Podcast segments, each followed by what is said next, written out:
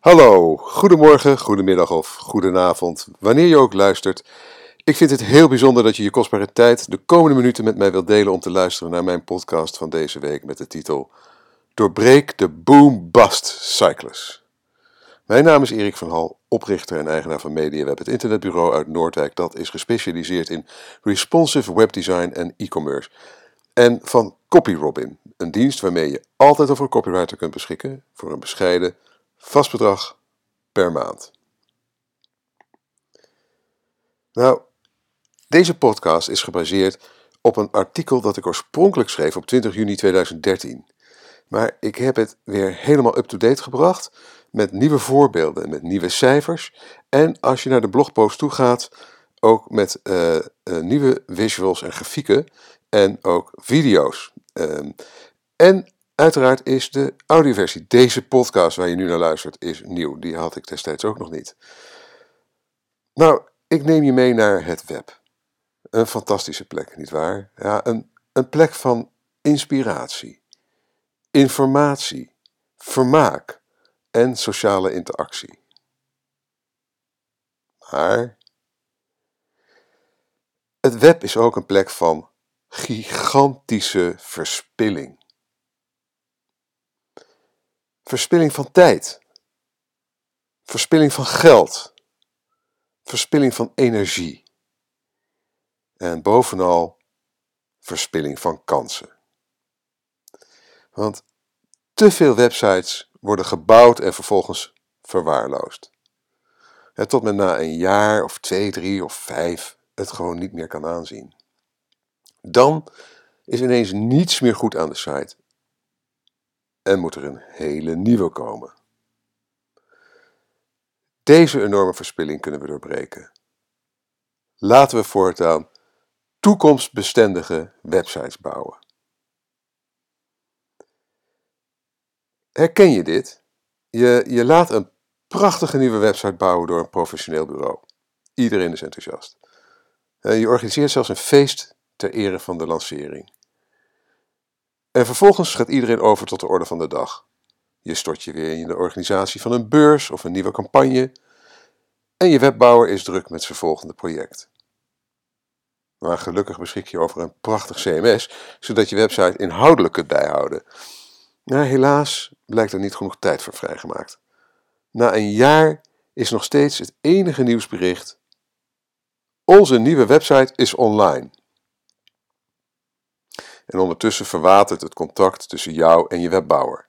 Dagen worden weken, weken worden maanden.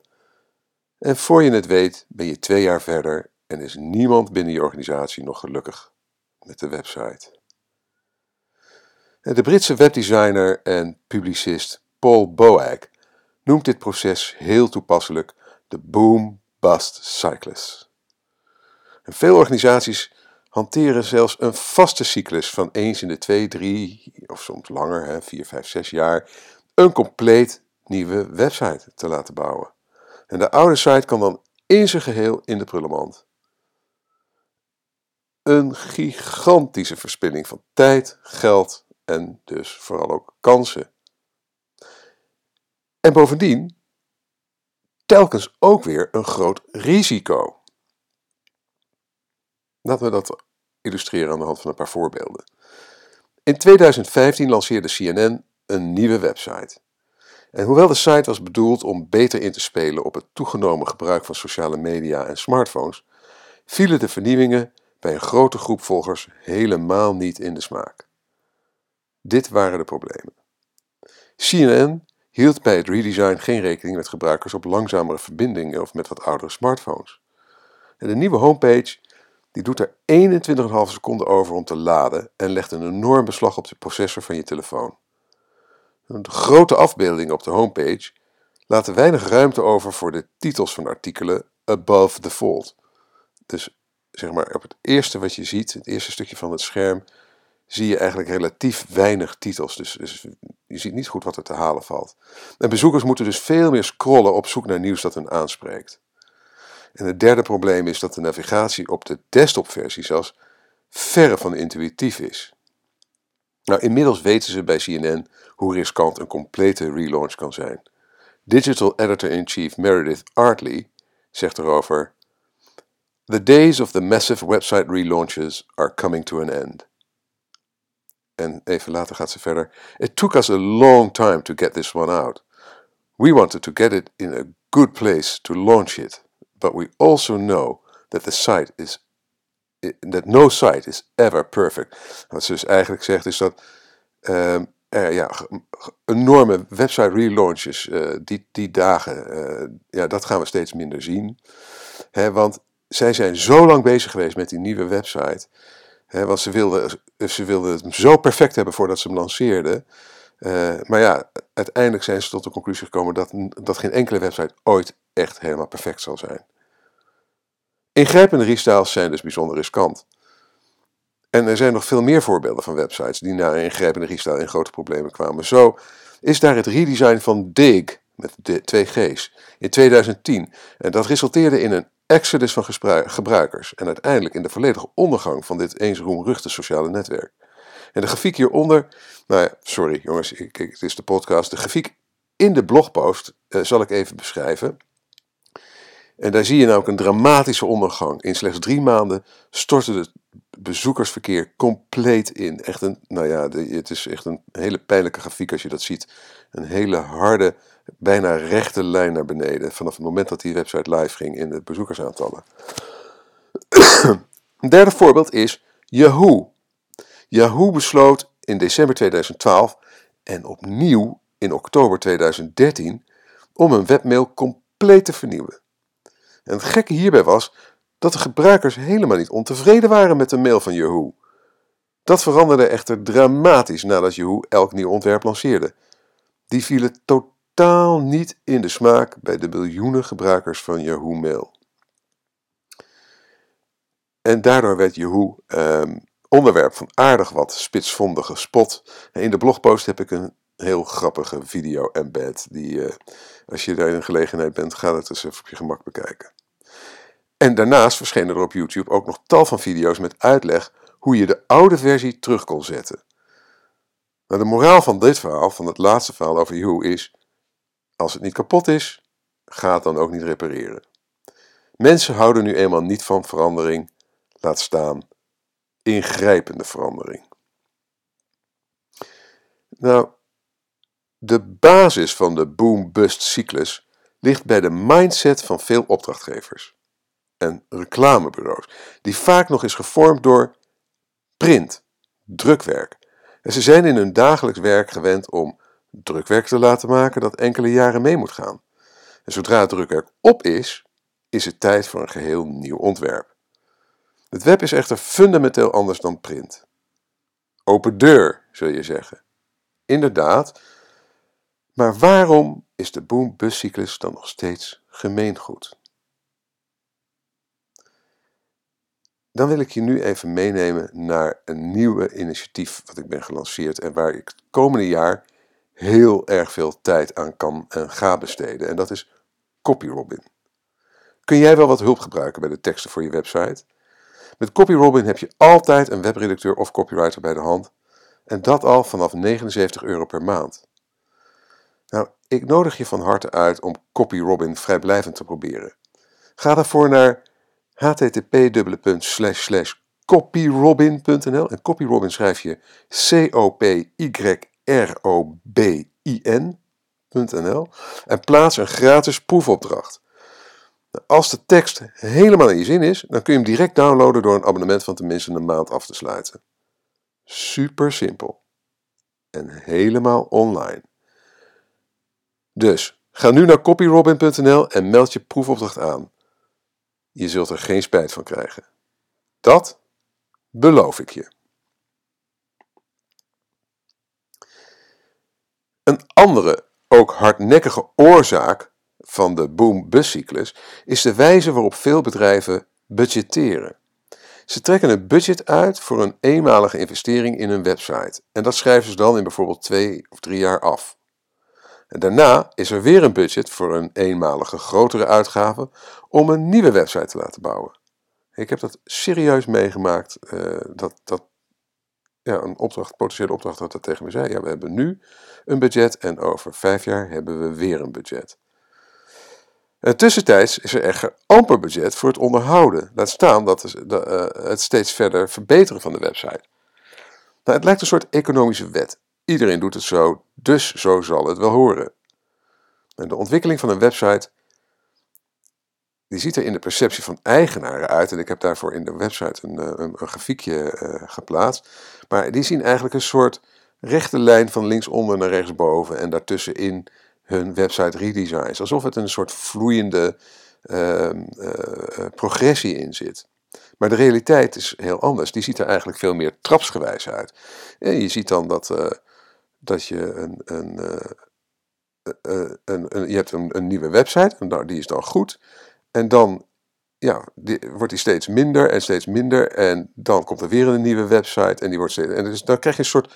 Ja, als je gaat kijken in de website, in de webblogpost, zul je het zien, een trapvormige uh, grafiek. En eigenlijk zie je daarin uh, alle stukjes. Uh, als je er zeg maar over de traptreden een, uh, een, een lange lat zou leggen, schuin naar boven, dan zit overal waar er ruimte zit tussen die lat en de treden en de, de, en de volgende treden, er zit een soort driehoekige ruimte, dat is eigenlijk een onderpresterende website.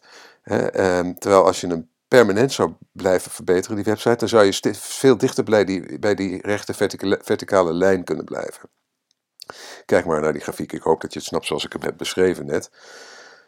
Maar nu is het natuurlijk niet waar dat iedereen het zo doet. Hè? Uh, dat iedereen uh, uh, die boombus-cyclus hanteert. Er zijn gelukkig ook goede voorbeelden.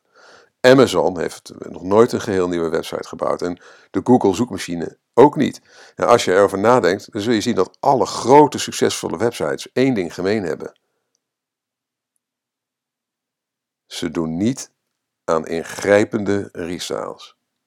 Kijk maar naar marktplaats.nl, nu.nl, Craigslist, eBay. Ze voeren allemaal stapsgewijs kleine verbeteringen door en doen dit met grote regelmaat. Kleine verandering, testen, meten, aanpassen. Testen, meten, aanpassen. Enzovoorts. Deze websites veranderen uh, hun websites in kleine stapjes. En dat met regelmaat. En de resultaten van elke verandering meten ze vervolgens nauwkeurig. Dan blijkt dat sommige veranderingen verbeteringen zijn, maar dat andere veranderingen minder gunstig uitpakken. Nou, en dan zie je bijvoorbeeld, en daar heb ik ook een grafiekje voor in de blogpost gezet, dan zie je bijvoorbeeld dat uh, het is puur, dit is puur uh, indicatief als, als voorbeeld bedoeld, hè, het is fictief. Maar er is een verandering in de look en feel en dat levert een conversieverhoging van 7,5% op. En vervolgens veranderen ze wat aan de navigatie. En dat levert ineens een conversieverslechtering uh, van 13% op. Die weer wordt gevolgd uh, door een responsive redesign. Nou, conversie stijgt 14%. Dan experimenteren ze met een long scroll homepage en dat levert weer een daling van 8% op. En vervolgens besteden ze aandacht aan de, de, de, de calls to actions en dat levert een, een stijging van 11% op. En een volgend experiment met een nieuw formulier uh, om je aan te melden bijvoorbeeld, uh, of een, bestelformulier. En dat levert weer een, een, verslechtering van de conversie op. Nou, je ziet het, de ene verbetering levert een, uh, of de ene verandering levert een, een conversieverbetering op. En de andere levert misschien wel juist een verslechtering op. Nou, als je dat stapsgewijs doet, één voor één, dan kun je het meten en dan weet je ook waaraan het ligt. En dan kun je dus die, die, die, die, die navigatie, die geen veranderde navigatie die geen verbetering was, kun je snel weer terugdraaien en dan op zoek gaan naar een betere oplossing. Dat is dus een groot voordeel van het stapsgewijs, incrementeel je website uh, aanpassen en elke keer weer testen wat je aanpassing heeft gedaan. Goed, het stelt je ook in staat dus om snel in te grijpen wanneer er iets misgaat. En uh, uh, daarmee ja, uh, voorkom je dat, dat, er, dat er een soort ramp zich voltrekt. Als in de voorbeelden die ik net hierboven gaf van onder andere CNN en uh, Yahoo en Dick. Maar goed, voor veel website-eigenaren, en misschien is dat ook uh, voor jou wel het geval, is het op een gegeven moment toch nodig om een compleet nieuwe schone start te maken. Het kan bijvoorbeeld zijn omdat je website echt heel slecht is. Het kan ook zijn dat je bedrijf ingrijpend is veranderd. Nou, een ingrijpend website redesign, ja, dat kan dus wel degelijk noodzakelijk zijn. En in dat geval is het zaak om de kans aan te grijpen om er gelijk een toekomstbestendige website van te maken. Uh, ik, ik, ik, hanteer daar altijd voor de term de duurzame website. Een website die geen uiterste houdbaarheidsdatum heeft. Een website waarin gestructureerde content de basis is. Een website waarin inhoud, functionaliteit en presentatie strikt zijn gescheiden. Op die manier kun je veranderingen aan de inhoud, de functionaliteit en de presentatie in kleine stapjes doorvoeren. Bij een duurzame, toekomstbestendige aanpak zul je bijvoorbeeld een ontwikkeling zien Ehm, zoals ehm, eh, dat, je, dat, ja, dat eigenlijk eh, eh, elke verbetering die je doorvoert, ehm, dat je die weer, weer kan meten en dat je gewoon ziet van, nou ja, we hebben aan de homepage hebben we gewerkt, hè, daar hebben we de pagina verbeterd, we hebben, daarna hebben we grotere productafbeeldingen gemaakt, we hebben een op, opvallende verkoopgedeelte. Uh, we hebben de carousel verwijderd. Nou, dan uh, zie je elke keer, kun je meten wat de verbeteringen zijn. Nogmaals, um, als je tijd hebt om de blogpost te bekijken, bekijk dan rustig een voorbeeld van een aantal design updates in een jaar tijd. En wat het met de conversie heeft gedaan. Dus overigens ook weer een wat enigszins fictief voorbeeld. maar ik ga je gewoon even vijf redenen geven waarom je eerstvolgende redesign gelijk je laatste grote redesign moet zijn. Eh, vijf redenen waarom een evolutionaire aanpak eh, van kleine uh, veranderingetjes, maar, maar veel vaker kleine veranderingetjes, dat dat veel beter is dan de boom-bust cyclus waar bijna iedereen met een website in vast lijkt te zitten. De eerste reden is dat het geld bespaart. In plaats van een substantiële investering om de paar jaar die vervolgens grotendeels wordt weggegooid, investeer je met regelmaat kleinere bedragen aan overzichtelijke deelprojecten, waarbij en daarbij bouw je altijd door op de eerdere investeringen. Het resultaat is veel minder kapitaalvernietiging en dus aanzienlijk lagere totale kosten over een langere tijd. Nou, als je maar één ding verandert, en dat is reden 2, dan kun je dat ook, en dat, gaf ik al eerder aan, kun je dat ook heel goed meten of het werkt. En werkt het niet, dan kun je het ook heel eenvoudig weer ongedaan maken. Maar als je heel veel dingen tegelijkertijd verandert, ja, dan weet je dus niet welke veranderingen succesvol waren en welke succesveranderingen uh, niet. De derde belangrijke reden om evolutionair uh, je website uh, stapsgewijs aan te, pakken, aan te passen en niet de boom-bust cyclus te hanteren is, je gebruikers wennen veel gemakkelijker aan kleine veranderingen dan aan ingrijpende redesigns. nou ja, ga maar bij jezelf na, een website waar je vaak komt, waar je graag komt als die in één keer totaal anders is dan hoe mooi die ook is geworden, hoe, hoe, hoeveel beter die misschien ook wel is geworden, het blijft altijd toch een shock en je moet toch alweer zoeken en je bent toch eventjes uh, van je apropos. Dus als dat met kleine stapjes gaat, zul je daar langzaam aan kunnen wennen en dan is dat beter voor de eindgebruiker. Een andere bijkomstigheid is dat wanneer je regelmatig iets nieuws te melden hebt op je website, kun je dus ook vaker de publiciteit zoeken hè, om, om een nieuwe, uh, nieuwe, iets nieuws van je website uh, uh, naar buiten te brengen, in het nieuws te brengen.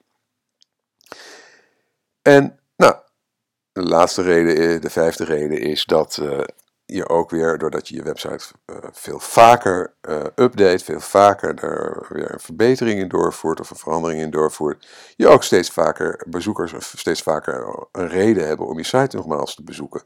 Want er is weer eens wat nieuws te beleven. Nou goed, hoe pak je dit nou aan? Het probleem is duidelijk, maar hoe pak je het aan? Welke werkwijze uh, moet je hanteren? Nou, ehm, en welke tools moet je gebruiken? Het antwoord op die vragen, die krijg je in een andere uh, blogpost die ik heb geschreven. Uh, uh, ook de eerste versie in 2013. En afgelopen jaar heb ik een update gedaan. het gelijk van de duurzame website. Nou, er staan links in de blogpost naar die, naar, naar die artikelen. En als dit je interesse heeft gewekt, dan zou ik ze zeker even gaan lezen. Um, maar dit was eigenlijk alweer mijn blogpost voor deze week. Uh, dat je nu nog luistert, Dat vind ik geweldig. Ehm, heel erg bedankt voor je aandacht en voor je tijd. bedankt voor het luisteren. En als je dit leuk vindt en als je graag op de hoogte blijft, schrijf je dan in op onze nieuwsbrief via bit.ly slash mediaweb-nieuwsbrief. bit.ly, bit.ly slash mediaweb, koppelteken, nieuwsbrief. je kunt dan bovendien gratis de een van mijn e-book Online Marketing Checklist editie 2015 downloaden. En als je met plezier hebt geluisterd, laat dan een review achter bij SoundCloud of in de reacties onder de blogpost op onze website. Nogmaals, heel erg bedankt voor het luisteren en heel graag tot de volgende keer.